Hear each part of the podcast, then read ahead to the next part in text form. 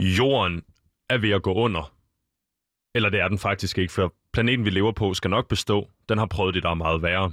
Men for os mennesker, som bor her på planeten Jorden, er fremtiden usikker. Klimaforandringerne bringer en masse uvidsheder med sig. Løber vi tør for ressourcer, inden vi får omstillet os? Betyder klimaflygtninge klimakrige? Og hvor længe kan vi blive ved med at lade konsekvenserne af vores industrialisering gå ud over dem, der i forvejen har mindst? Spørgsmålet af den karakter har spredt sig som en steppebrand i ungdommen de sidste par år.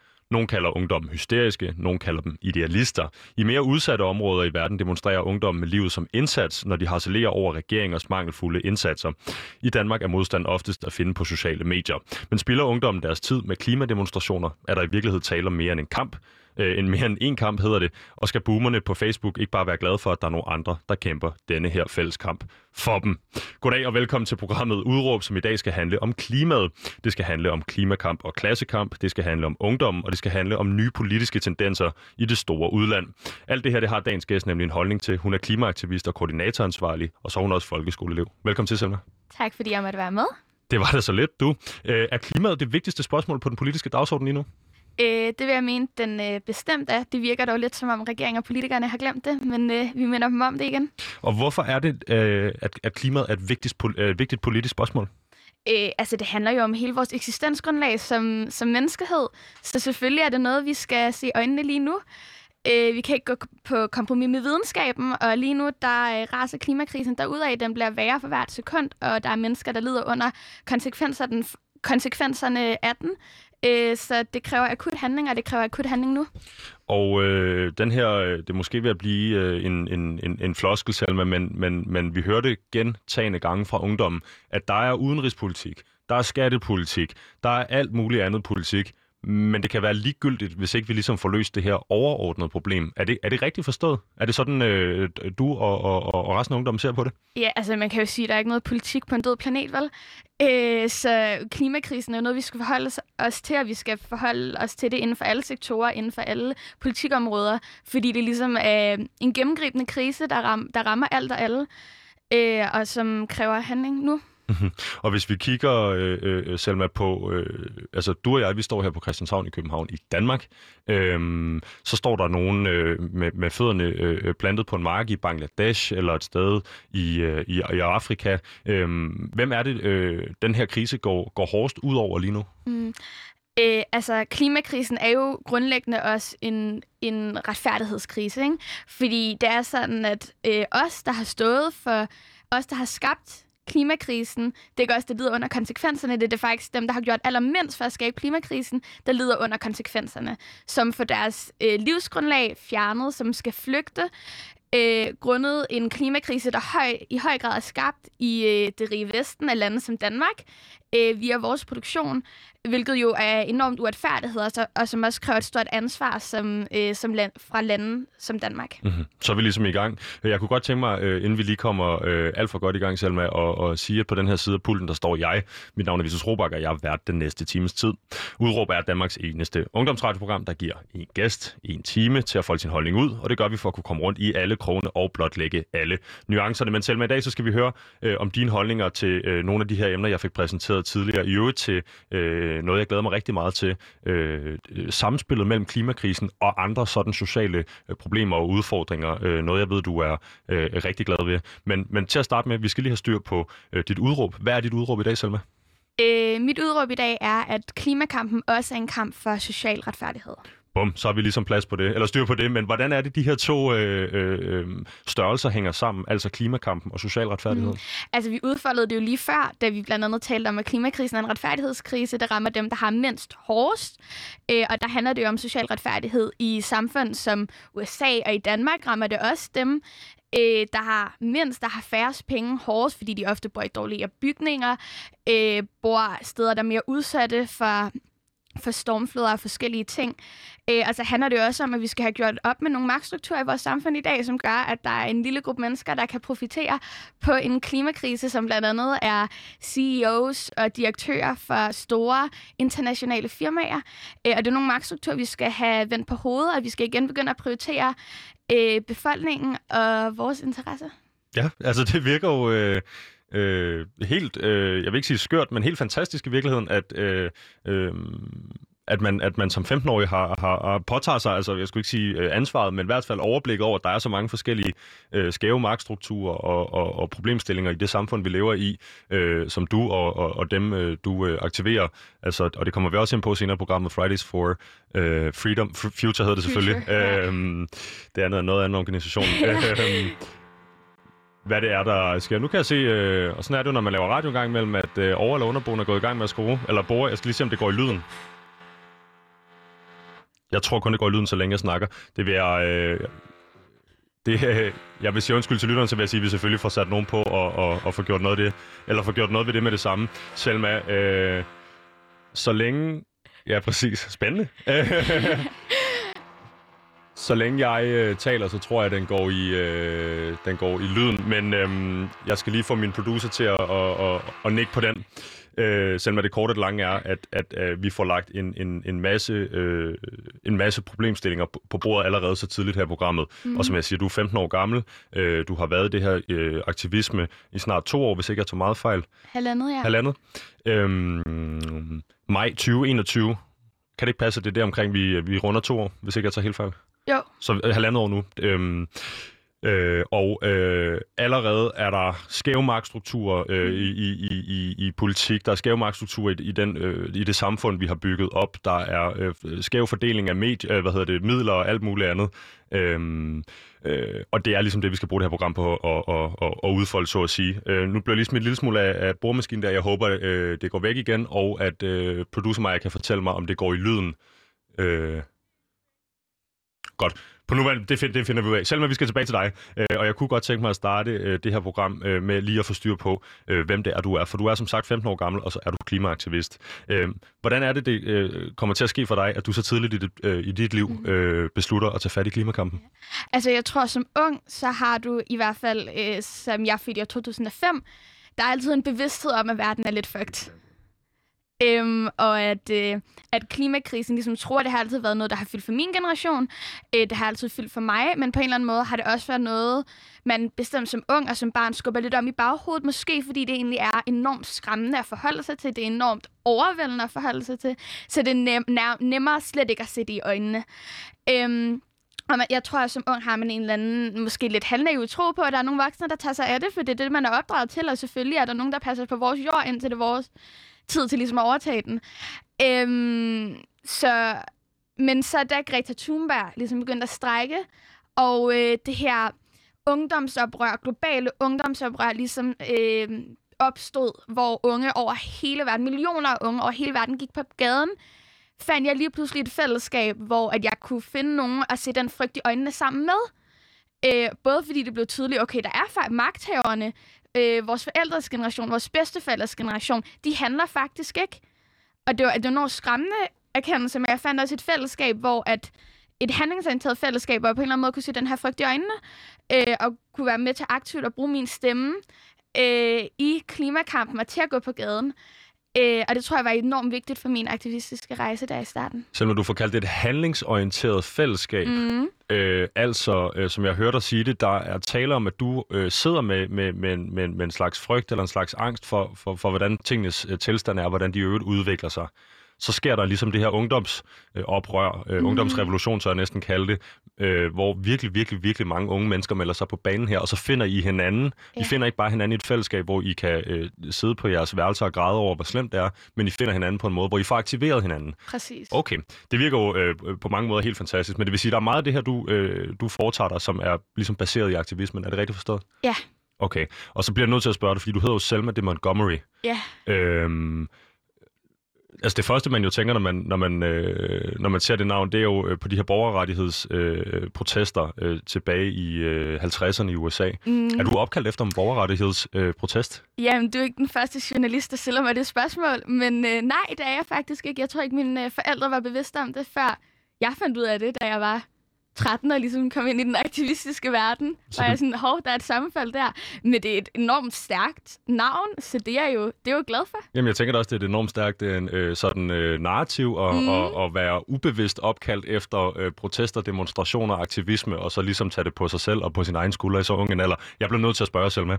Øh, lad os hoppe videre. Jeg kunne godt tænke mig at snakke lidt om, om, om drivkraften bag det her. Mm. Øh, fordi som du selv siger, øhm, øh, nogen, vil, nogen vil kalde det en slags ungdomsnaivitet, altså at der er at, andre unge mennesker måske ikke går ud og tager øh, øh, problem, problemstillinger på sig på den her måde. Jeg kan huske, da jeg var på din alder, der skulle jeg spille computer, og så skulle jeg til fest, og så skulle jeg i skole, og så skulle jeg spille computer, så skulle jeg til fest, og så skulle jeg i skole. Så det var det eneste, det handlede om for mig. Det havde jeg aldrig ligesom taget ansvar for noget.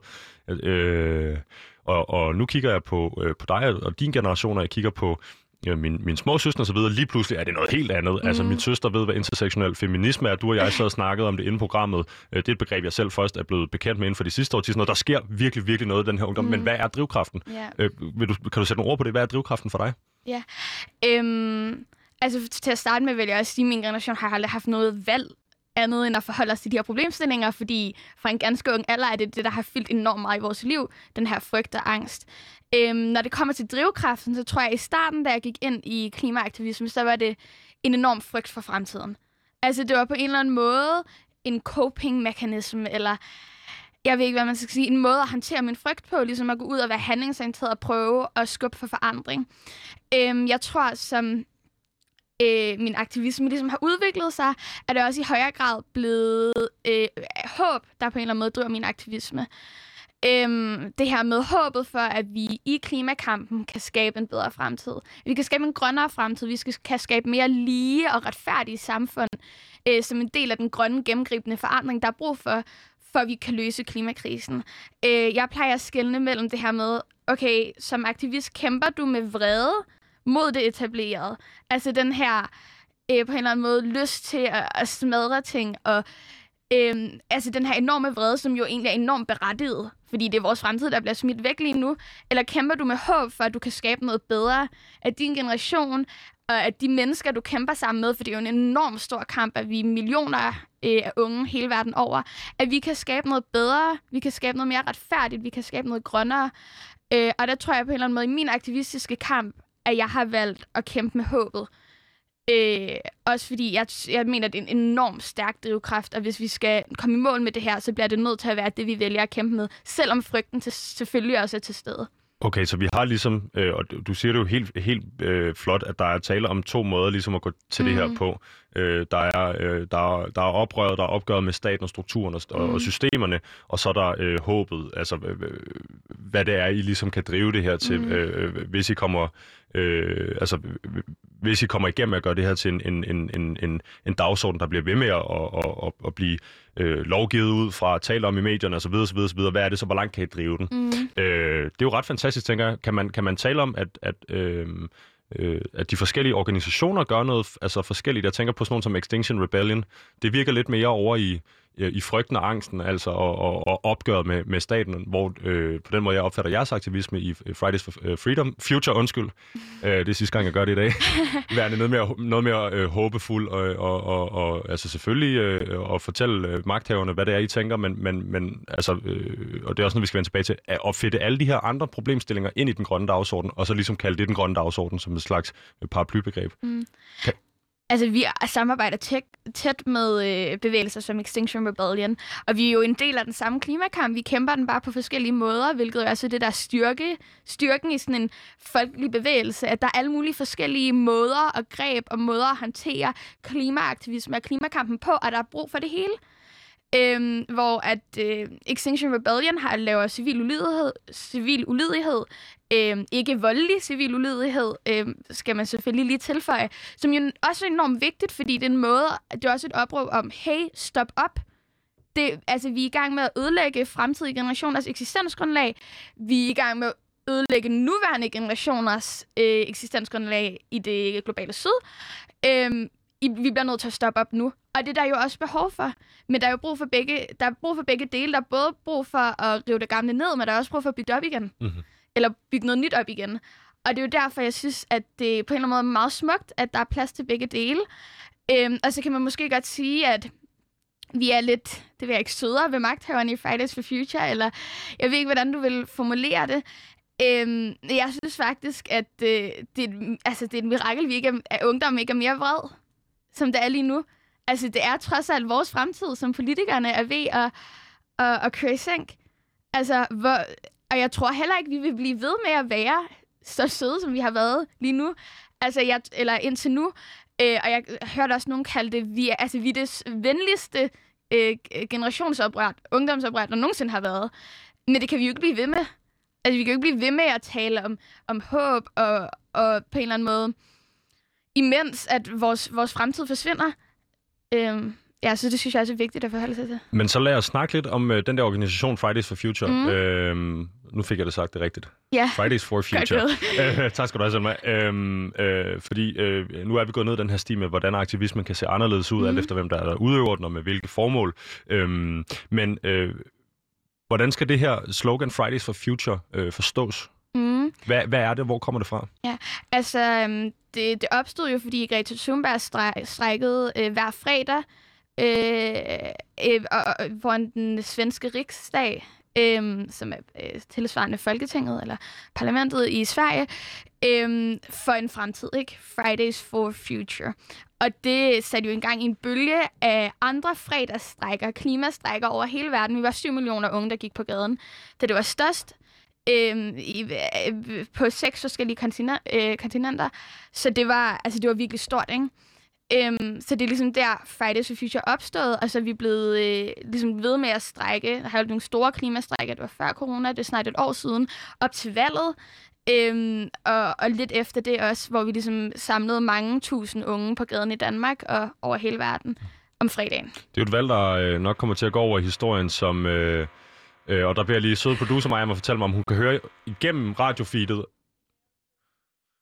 Producer mig bliver selvfølgelig også overdød af lyden af, af skruetrækker, men lad os antage, at, øh, at det hele spiller, så kan vi hoppe videre, Selma, fordi øh, øh, det her valg øh, kommer nok til at gå over i historiebøgerne som øh, en af de, altså et klimavalg eller et grønt valg. Mm. Øh, der var bred øh, opbakning og fremgang blandt alle partier, der havde det på dagsordenen, og vi kunne jo se en masse unge mennesker øh, blive stemt ind, også i det øh, forløbende øh, Europaparlamentsvalg. Mm. Men skal man, kan, man, altså, kan man snakke om, at, at, at jeres aktivisme, det I gjorde, altså gik ind og havde en direkte påvirkning på, øh, på politik?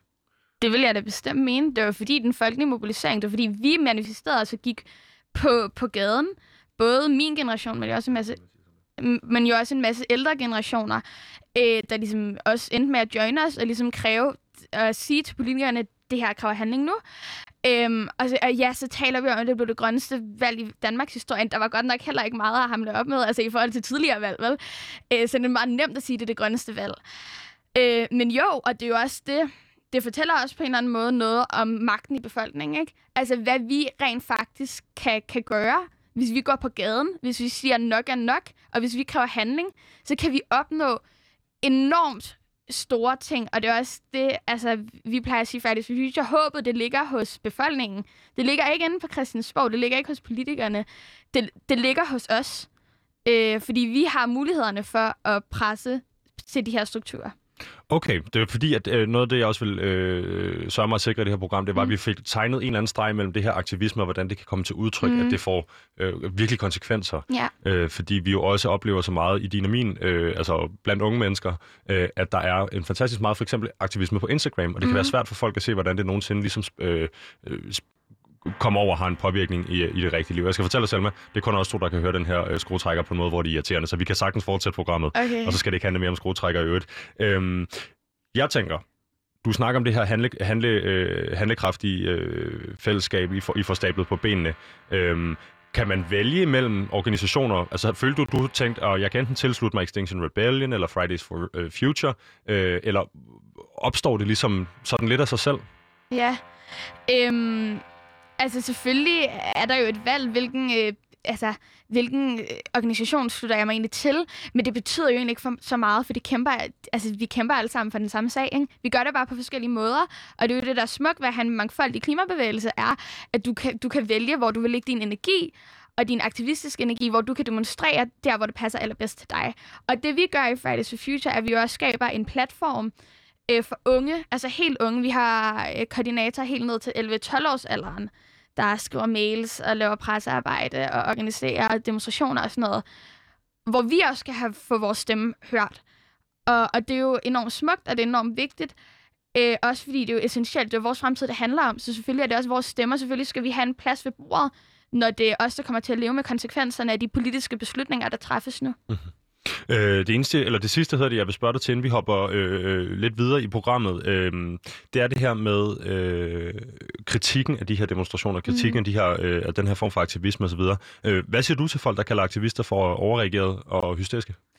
Øh, altså, det, det er på en eller anden måde det her med, at vi er hysteriske, ikke? Det, det hensyder lidt til, at det er en ubegrundet, ubegrundet frygt, ikke? At vi overreagerer. At jeg synes nærmere, vi, vi underreagerer, eller det øh, resterende samfund i hvert fald, øh, underreagerer, hvis man kan sige det. Ikke?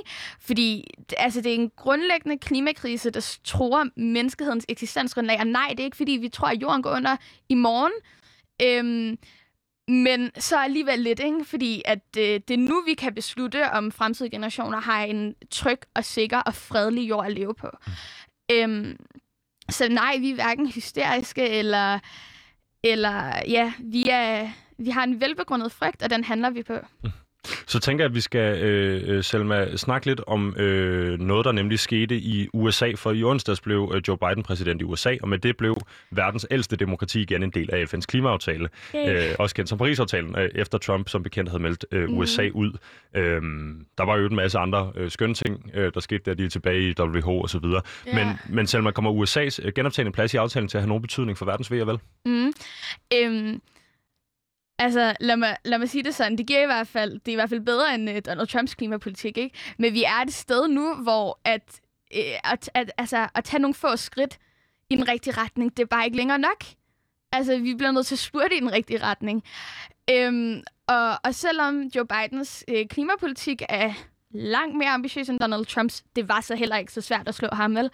Øhm, så så altså, det betyder jo ikke noget, hvis det ikke er nok til at, at på en eller anden måde gøre det, der skal til for at forhindre klimakrisen i at udfolde sig i sine enormt øh, skræmmende øh, konsekvenser. Øh, så selvom Joe Biden er mere ambitiøs, så er det jo stadig ikke nok, og vi vil blive ved med at presse på. Men vi har, vi har jo selvfølgelig brug for at se lederskab for de her store øh, meget øh, CO2-udledende øh, nationer som USA og Kina osv.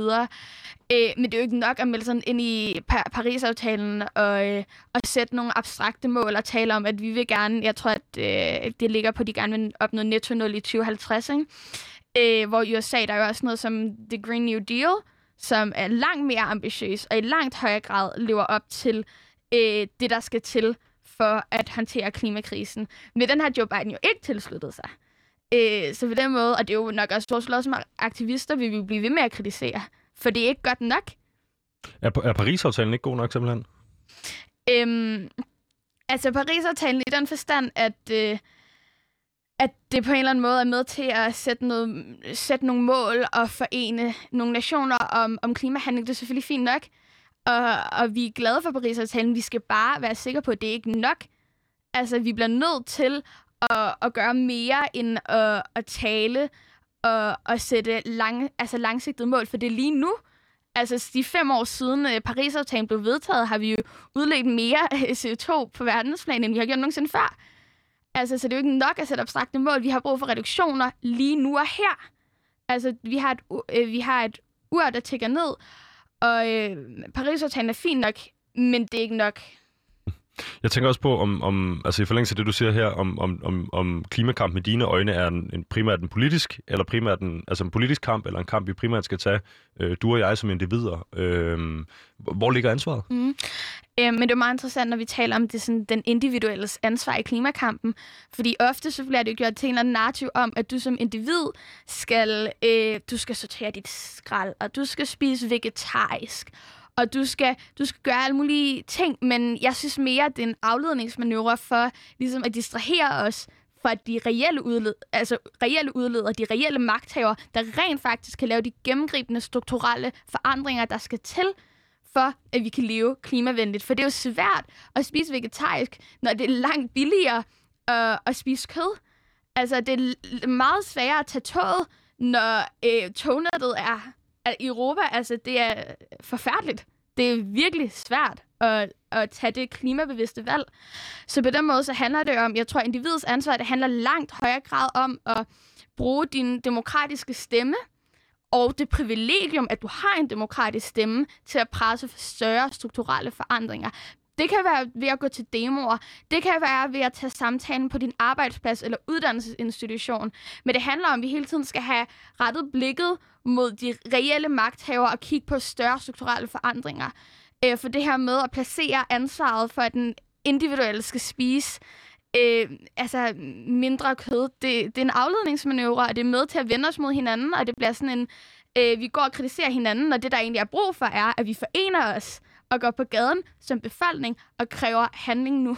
Og hvad er det for en handling nu, vi skal have fat i? at vi er ude i, og, og nu nævner du selv sådan nogle ting som øh, infrastruktur og, og, og madvaner. Det er jo så mere for, mm. og, hvad den private borger kan gøre. Men, men er vi ude i, at vi skal have Øh, altså, jamen, jeg, jeg er sådan set i tvivl om, hvordan jeg skal formulere det, fordi jeg tænker, om, vi, mm. om, om vi skal, skal man fordoble øh, ambition, ambitionsniveauet i, i Paris-aftalen? Øh, skal vi gøre det ulovligt fra i morgen af og, og, og, og opdrætte og spise kød? Altså, øh, hvad er det for nogle, nogle, nogle, nogle konkrete tiltag, tiltag, I har i, i den her organisation, som I arbejder med? Mm. Altså, der er selvfølgelig de konkrete politiske tiltag, som kan øh, indføres lige nu og som regeringen vil at mærke ikke indfører lige nu. Det er ting som CO2-afgifter, en omstilling af det danske landbrug, øh, bedre grøn offentlig transport, infrastruktur, øh, CO2-afgifter, alle de her ting, som er, altså er enormt vigtige og øh, meget lavt, hæng, øh, lavt hængende frugter lige nu rent politisk. Øhm, men det handler jo også om en grundlæggende øh, strukturel forandring i vores samfund. Ikke? Hvordan er det, vi opfatter os selv og vores forhold til naturen på? Altså, hvordan, hvad, hvad, hva, i hvilken forstand ligger politikernes ansvar? Er det fordi, de skal tage, er det fordi, det er økonomisk bedst at lave klimahandling? Fordi vi kan investere øh, i, i grønne teknologi, øh, teknologier, at vores eneste motivation er, at vi skal have penge ud af det, ud af det her, at vi skal lave grøn vækst? Eller handler det faktisk om et moralsk ansvar over for fremtidige generationer og mod og over for den jord, vi lever på? Er det det, der skal motivere os, når vi laver klimahandling? Og det kræver jo også på en eller anden måde en grundlæggende gentænkning af den måde, vi har bygget på vores samfund, øh, den måde, vi har, de værdier, vi har bygget vores samfund på, og øh, de økonomiske systemer, der dominerer vores samfund i dag. Og vi kommer til det øh, øh, lige om snart øh, i, i det her program selv. Jeg program selv med. Ja, jeg glæder mig så enormt meget, men jeg kunne godt lige tænke mig at stille dig et spørgsmål, fordi øh, vi snakker jo meget, altså blandt andet på den her radiokanal bliver der snakket meget klima. Øh, øh, vi havde der med øh, i en debat i forrige uge øh, mm. på det her spørgsmål. Øh, nu har vi hørt der øh, øh, altså øh, gået til angreb på øh, magtstruktur og patriarkatet, og det ene og det mm. andet og det tredje. Øh, øh, og, og, og, og ligesom også komme med nogle konkrete bud på, hvad det er, vi kunne gøre. Men jeg kunne godt tænke mig sådan privat for dig som menneske. Øhm, vil du være klar på, hvis man for eksempel, altså det kunne lade sig gøre, sagde, øh, det er slut på kød for eksempel? Altså det er slut på, øh, på, på, på oksekød. Øh, vil du så ligesom være klar til som privatperson at, at, at, at, at lave det offer? Mm. Ja, altså vil du være klar på, øh, at alt, alt, alt transport ind i byerne var offentlig transport? Hvor, fordi det er, jo, det er jo det, jeg tror, der er mange, der er i tvivl om, når vi snakker om løsninger på den her krise. Hvad er det, det kommer til at koste for mig som person? Ja. Hvad er det, jeg skal give afkald på? Øhm, men det, du spørger mig om nu, det er et spørgsmål, man får rigtig ofte for journalister. Det er også på en eller anden måde et, et, et meget typisk narrativ, det her med, hvad er det, vi skal give op? Hvad er det, det kommer til at koste os? Nu skal vi begynde, altså, skal vi give kød op, og vi får ikke lov til at køre rundt i vores biler, og alt det, vi kommer til at miste. Jeg vil egentlig hellere tale om alt det, vi kommer til at få. Altså alt det kommer til at give til vores samfund, den her grønne omstilling. Mm-hmm. Øhm, Men jeg tænker, inde i ordet omstilling ligger også, at vi skal omstille os. Mm. Altså, der må være en eller anden form for øh, periode, hvor vi... Mm. Øh, altså, øh, og, og, og øh, jeg, jeg vil godt, altså jeg er med på det. Jeg, jeg kunne ja. godt sige, at hvis vi i fem år øh, øh, øh, sænker levestandarden, så får vi på den lange bane øh, noget ud af det. Mm. Men, men, men, men er det i virkeligheden der, den også ligger? Ja. Altså, at, at vi kommer i mål med, med, med sådan et projekt, fordi at, øh, at den yngre generation vil være klar på det. Den ældre generation tænker, nej, det gider vi da ikke. Vi, vi er i graven inden for de næste ja. 25 år. Jeg er bare ikke sikker på, at jeg køber narrativet om en lavere levestandard på grund af klimahandling. Altså, Øh, lige nu er en høj levestandard defineret som et stort hus, en stor bil, øh, altså mange penge, du kan øsle øh, omkring dig, et højt øh, materialistisk forbrug. Altså er det virkelig det, der gør os lykkelige i vores samfund? Det er også det, vi kan stille os. Eller er det, øh, er det omsorg? Er det tid med vores familie? Tid med vores venner? En mere bæredygtig livsstil, både socialt, men jo også øh, klimamæssigt og i forhold til vores jord? Så, så det der med alt det, vi skal give op, og vores levestandard øh, falder, altså nej. Jeg tror i langt højere grad, den vil stige, i hvert fald åndeligt. Okay, så, Øhm. så hvis, vi tager, hvis, vi, hvis vi følger den her tråd, så siger øh, øh, øh, jeg som journalist prøver at lægge den her lidt materialistiske, eller materielle Mm. i hvert fald, dagsorden lidt til siden, så siger, er, der, er der så simpelthen tale om en slags revolution i forhold til, hvordan vi er øh, øh, mennesker i forhold til naturen, mm. mennesker i forhold til hinanden, mennesker i forhold til, hvordan vi bruger vores tid. Ja. Øh, fordi jeg tænker, øh, en anden kæmpe klimasønder, det er jo sådan noget som streaming og internetforbrug og sådan noget. Det skal nok blive bedre. Altså, der har vi også noget, der kan vi trods alt stole lidt på teknologien. Men øh, skal jeg simpelthen til at gå nogle længere ture i skoven og streame lidt mindre på Netflix? Er det, er det også, altså fordi det vil jeg, øh, det kan jeg totalt være med på, at det er god livskvalitet. Mm. Øhm, øh, at være, min, være min, de mennesker, der er i mit liv, øh, nærmere og, og have mere tid, altså mere, altså simpelthen mere, øh, jeg skulle til at sige fysisk kontakt, øjenkontakt og den slags ting. De simple glæder i livet. Mm. Og så skal skyde den her øh, lidt neoliberalistiske dagsorden, vi er endt i oven på industrialisering, bort. Ja. Er det, er, det, er det simpelthen det, der er tale om? Det lyder da, som om du har fanget den, ja. Øhm, det ja, men det, det, er jo, altså, det er jo præcis det, der handler om, og det er også derfor, vi taler om, når vi taler klimadagsorden. Det, der er også alle mulige andre dagsordner, der på en eller anden måde, det handler også om omsorg øh, for hinanden og vores natur. Det er også det, man taler om, når man for eksempel taler feministisk økonomi. Taler man jo også om, at vi skal prioritere omsorgsarbejde høj, øh, højere, ikke? Øhm, ja, sygeplejersker, være, sygeplejersker skal være bedre lønnede, socioassistenter, alle de her ting. Så dagsordnerne, de fletter jo egentlig sammen.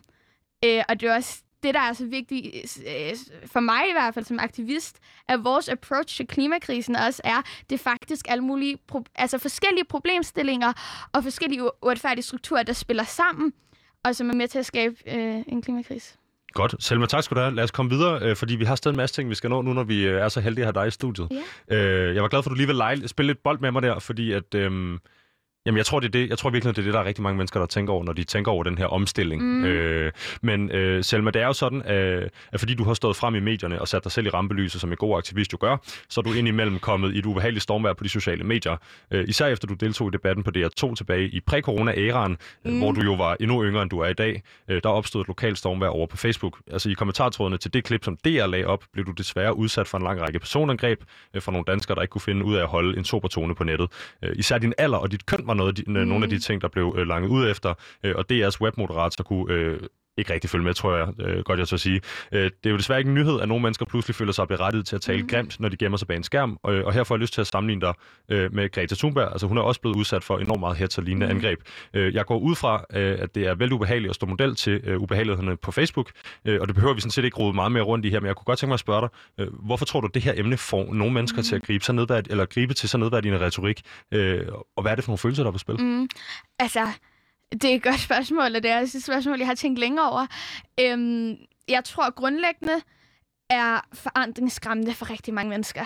Øh, bestemt de mennesker, der ikke øh, ligesom har gavn af det samfund, vi har bygget op af. Ikke? Dem, der ligesom er de privilegerede. Dem, der får noget ud af den, den måde, vi har bygget vores verden øh, op på. Ikke? Øh, så det her med, at vi kommer som unge aktivister, vi vil ændre på tingene, vi vil vende tingene på, øh, på hovedet. Altså, det er jo enormt skræmmende, og jeg forstår godt den frygt øh, for ligesom, at, at tingene forandrer sig. Men tingene kommer til at forandre sig ligegyldigt, hvad vi gør, fordi der er en klimakris på vej. Ikke spørgsmålet er, om det er en positiv eller negativ forandring. Øhm, så tror jeg også, at, at, at folk kan blive enormt provokeret af, at det er en ung kvinde, der skal stå og fortælle dem, hvordan, øh, hvilken, altså, hvordan forandringen skal se ud. Ikke?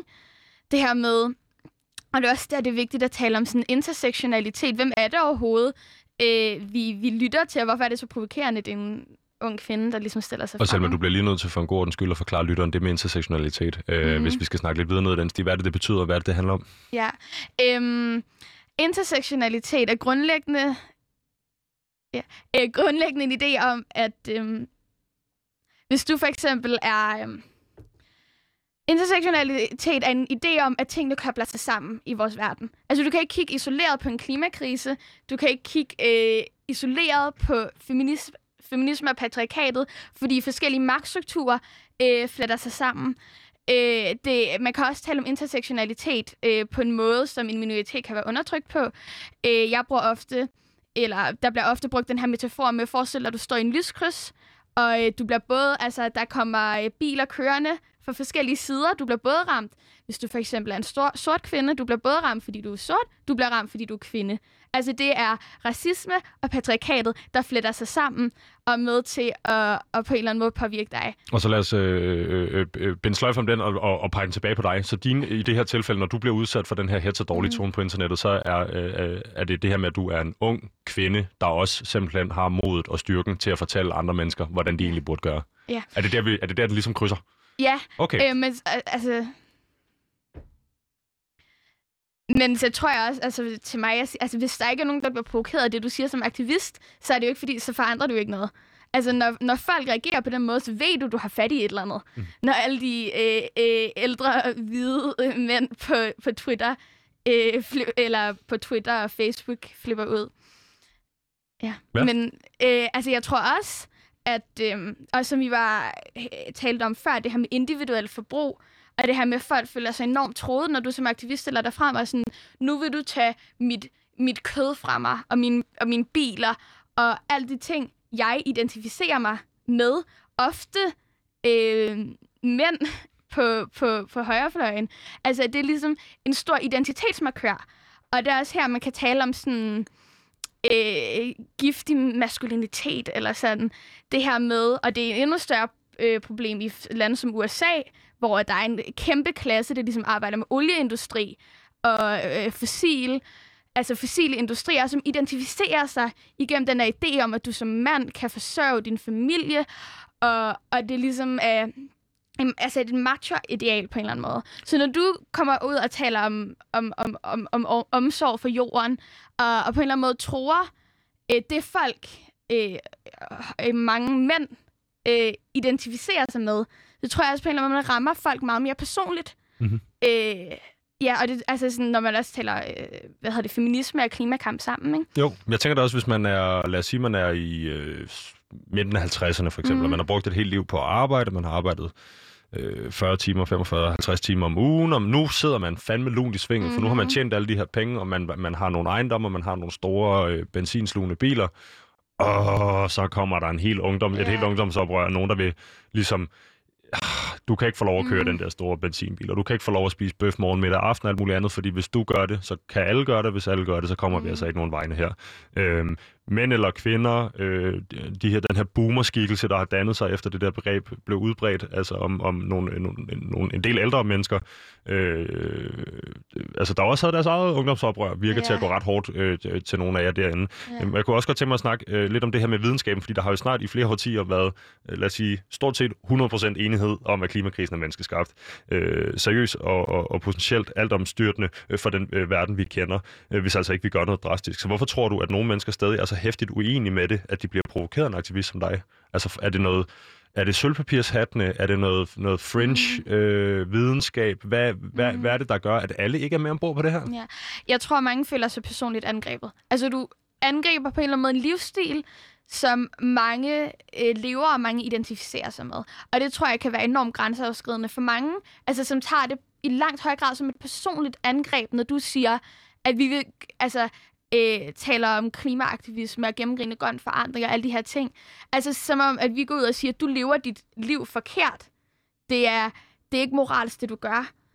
Men det vi i langt højere grad er, at vi kigger på nogle strukturer, som gør, at vi har indrettet vores, øh, vores samfund på den måde, vi har, som at en idé om, hvad det gode liv er og sådan noget, som vi jo alle sammen er underlagt, som ældre generationer også er underlagt. De er jo også født ind i det her samfund, der fortæller dem, at øh, visse ting har materiel værdi. Og, og det tror jeg også er vigtigt for, for mig som aktivist at sige. Det er ikke, fordi vi har lyst til at pege fingre hinanden. Vi har ikke lyst til at kritisere hinanden. Vi vil, vi vil gerne stå sammen om at ændre de her strukturer.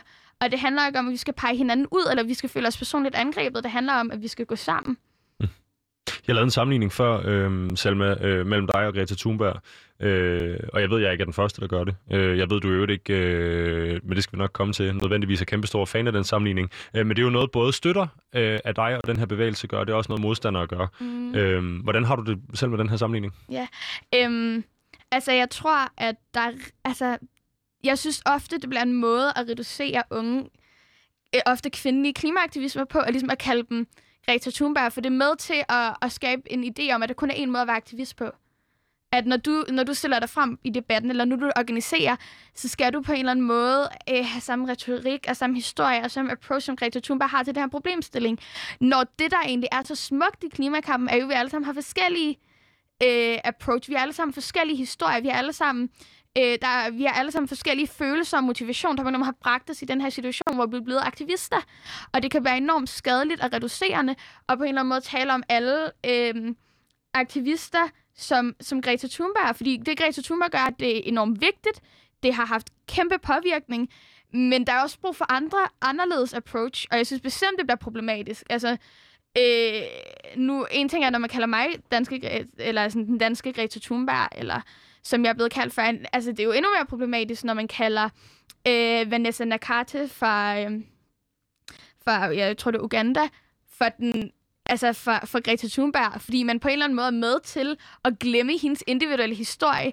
Hendes historie som en ung kvindelig aktivist, der rent faktisk lider under klimakrisen, som rent faktisk oplever det, som oplever det på sin egen krop, og sit eget samfund, og sit eget community. Og, og det er enormt skadeligt og reducerende.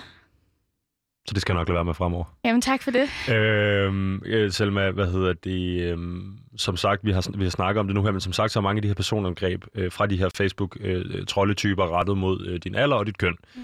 Øhm, Tror du i øvrigt, altså en anden kæmpestor debat, som vi jo ikke skal mm. negligere, som vi skal bruge resten af programmet på at snakke om nu, øh, der kører ved siden af den her øh, klimadagsorden, øh, og som har, har fulgt den her hånd i hånd siden øh, rødstrømperne i, altså, i rigtig, rigtig, rigtig, rigtig mange år. De går hånd i hånd, det er ligestillings- og øh, kønsdebatten. Mm. Øh, den har selvfølgelig fået en masse... Øh, øh, spændende nye nuancer her for de sidste par år. Man er, man er begyndt at, at, at udvide forståelsen af, af, af køn, og altså der sker virkelig en masse på begge fronter her.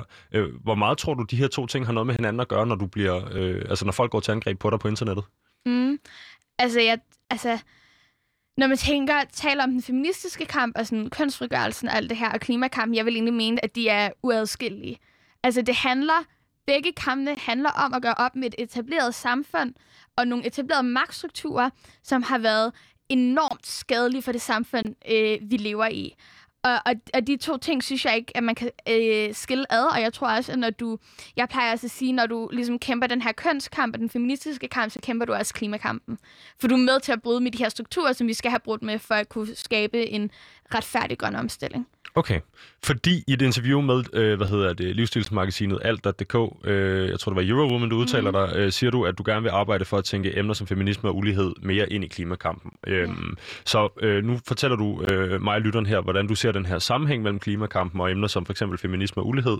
Øh, hvad med sådan noget som racisme? Ja, Øhm, jeg, ja, når man taler racisme og klimakamp, så kan man ikke lade være med at tale kolonialisme, vel? Og altså, igen, Selma, fordi der kan jo sidde nogen derude på din egen alder, som ikke er helt med på ordbogen her. Mm. Hvordan skal vi forstå kolonialisme i et øh, klimaperspektiv? Ja, øhm, altså det handler om, at altså, kolonialisme kan man både se et historisk perspektiv med, at rige vestlige lande har været med til at kolonisere øhm, lande hovedsageligt i Afrika, og ligesom har, har, har, har taget patent på det land, og der har været altså meget forfærdelig historie, også med slavehandel og sådan noget. Men man kan jo også tale om nutidig kolonialisme, hvor man taler om, hvordan det rige vesten stadig i dag er med til at udnytte øh, fattige lande. Blandt andet, når man taler om øh, tekstilindustri. Ikke? Altså det her med fattige arbejdere i øh, Bangladesh og Vietnam, der på en eller anden måde er med til at finansiere vores overforbrug af tøj, og fordi vi udnytter deres arbejdskraft. Og det synes jeg øh, ikke, man kan lade være med at tale om, når man taler øh, klimakamp af flere grunde. Både fordi, at øh, som sagt, det er de her tidligere kolonialiserede lande, der bliver ramt hårdest af klimaforandringerne, og de har gjort mindst for at skabe dem. Øh, og, og grunden til, at de bliver ramt hårdest, det er også, fordi de ikke har den den rette infrastruktur, den rette økonomi til ligesom også at kunne håndtere klimakrisen. Og det er jo blandt andet, fordi vi har, altså lande som Danmark og det rige Vesten har været med til at udnytte dem og stadig gøre det i dag. Øh, jeg tror også, det er vigtigt, når man taler i lidt mere sådan, øh, filosofisk og moralsk perspektiv, det her hele med, at når vi går ud og kolonialiserer, så har vi på en eller anden måde, eller når vi, da vi gjorde det, øh, og hele den her filosofi med, at alt kan prissættes. Du kan sætte en pris på vand, du kan sætte en pris på land, du kan sætte en pris på mennesker, øhm, som jo også har været drivende til at skabe klimakrisen. Altså, den start, klimakrisen startede ikke bare med øh, industrialiseringen. Den startede, da vi lige pludselig tænkte, at vi kunne sætte en pris på, på mennesker og menneskelige ressourcer og land og vand, i stedet for at se det i højere grad som øh, noget heldigt, eller som noget, man ikke kunne, øh, ikke kunne øh, sælge og handle og sætte øh, prismarkader og penge på.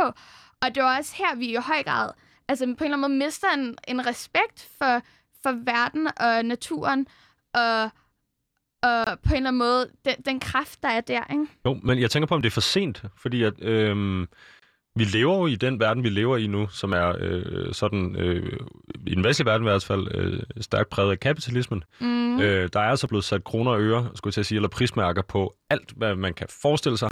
Øh, vand, land, øh, mennesker, som du siger, så kan man mm. sige, nu bliver der ikke solgt så mange mennesker længere, det gør der desværre nogle steder rundt omkring i verden. Til gengæld bliver der sat øh, hvad hedder det, kroner og øre på din, hvad din tid er værd, alt efter ja. hvad for en uddannelse du har taget osv. Kan man få det her øh, nye narrativ til at passe ind i en allerede funderet kapitalistisk verden, eller skal vi også bryde med altså den glo- det, det globale styresystem i Vesten? Mm. Øhm, altså det store spørgsmål, ikke? Det må man sige. ja, men jo, altså jeg, altså i det, den måde, vi har bygget vores kapitalistiske system lige nu, øh, det, altså det bliver vi nødt til at bryde med. Vi bliver nødt til at gentænke vores økonomiske system. Vi bliver nødt til at gentænke, hvad der har værdi i vores samfund. Det var også det, vi talte om før. Øh, omsorgsarbejde. Hvad med, altså, hvad med øh, den tid, du bruger på at passe på din, din ven, eller din syge moster, eller øh, pas din venindes børn, eller sådan noget. Det kan, du ikke, det kan du ikke sætte en pris på, men det giver jo stadig værdi til samfundet. Og det er det samme, når man blandt andet øh, for eksempel taler om Ammerfællet. Øh, nu bor jeg tæt på Ammerfællet, ikke?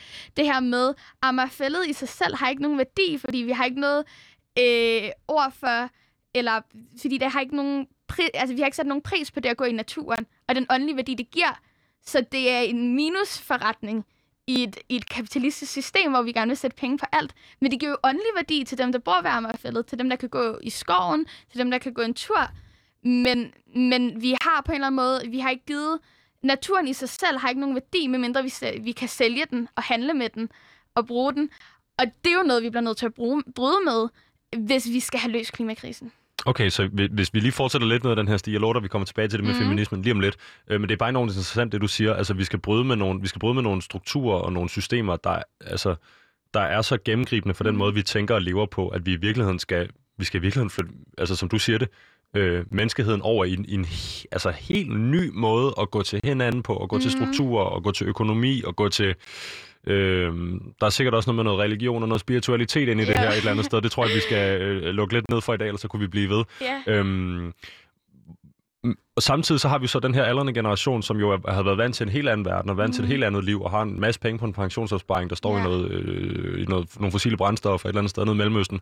Øh, øh, skal vi regne med, at vi kan få dem med? Eller skal vi, nu sagde jeg det også tidligere i programmet, det er jo lidt hårdt, øh, og det er jo selvfølgelig ikke ment på, på, en, på, en, på, en, på, en, på en måde, hvor jeg tænker, at nogen skal dø.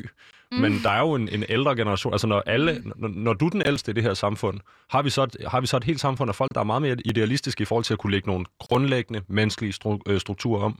Ja, øhm, det er et godt spørgsmål, men jeg tror ofte, det bliver kørt op til sådan, den her generationskonflikt, men det ligesom bliver den unge, idealistiske generation, der vil forandre ting, og mod den ældre generation. Men på en eller anden måde, et, har det ikke altid lidt været sådan. At der har været nogle yngre generationer, der gerne vil ændre på ting, der gerne vil øh, skabe en, en bedre og mere lige og mere retfærdig verden. Og ligesom på en eller anden måde, også med en eller anden idealisme og en eller anden naivitet på, at man faktisk kan forandre tingene. Øh, som, som, som faktisk også har, har forandret tingene. Som har skabt bedre samfund. Som har været med til at skubbe øh, menneskeheden i en bedre retning. Øh, så på en eller anden måde, det er jo et mønster, der gentager sig. Men jeg tror også, det er vigtigt for mig at sige, det er jo ikke, fordi vi har lyst til at stå og råbe over en eller anden generationskløft. Altså, vi vil gerne have de ældre generationer med. Vi vil gerne have boomersne med. Øh, altså, gå på gaden med os, join, øh, hvad hedder det, bedsteforældre for øh, fremtiden. Jeg, ja, altså sådan, der er... Der, ja, der er en klimaorganisation, ja, der, jeg kan heller ikke huske, hvad den hedder. Bedsteforældrenes klimaaktion. Det er sådan, der Ja, præcis. Altså, vi, vi vil gerne have jer med, men men ja. Men, men det lyder også lidt på dig, som om, at I gerne vil have dem med, men, I, men, men det bliver lidt på jeres præmis i en eller anden forstand. Det bliver med den her nye, med den her nye verdensorden som mål, eller som, som succeskriterie. Mm. For, for, eller hvordan? Er det rigtigt forstået? Ja, altså nu siger du en ny verdensorden. Og det, tænker, men det tænker ja, jeg lidt, det er lidt der, vi er ude i, Mhm. mm. fordi vi skal bryde med noget, der er så grundlæggende øh, menneskeligt, og hvordan vi op, altså, forstår hinanden, og, og, mm. og de systemer, vi er vokset op i osv. Men altså, på en eller anden måde, så taler vi også om ældre generation. Det er på en eller anden måde noget, de skal give op. Vi bygger jo også oven på tidligere generationers kampe, og tidligere generationers aktivistiske kampe, tidligere ungdomsoprør, rødstrømmebevægelsen. Øhm, altså alle de her ting, er det jo også, det er jo også dem, øh, den unge klimabevægelse står på skuldrene af. Og det, det vil, jo, vil vi jo heller ikke glemme. Og, og jeg synes, altså det bliver på en eller anden måde gjort op til sådan en generationskamp, hvor jeg tror egentlig ikke, de ældre generationer, altså på den måde, er så meget imod det. Altså, hvor, hvorfor skulle de være imod at skabe en bedre verden?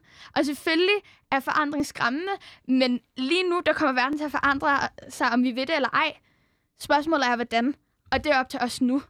Og det tror jeg godt, vi kan få de ældre generationer med på.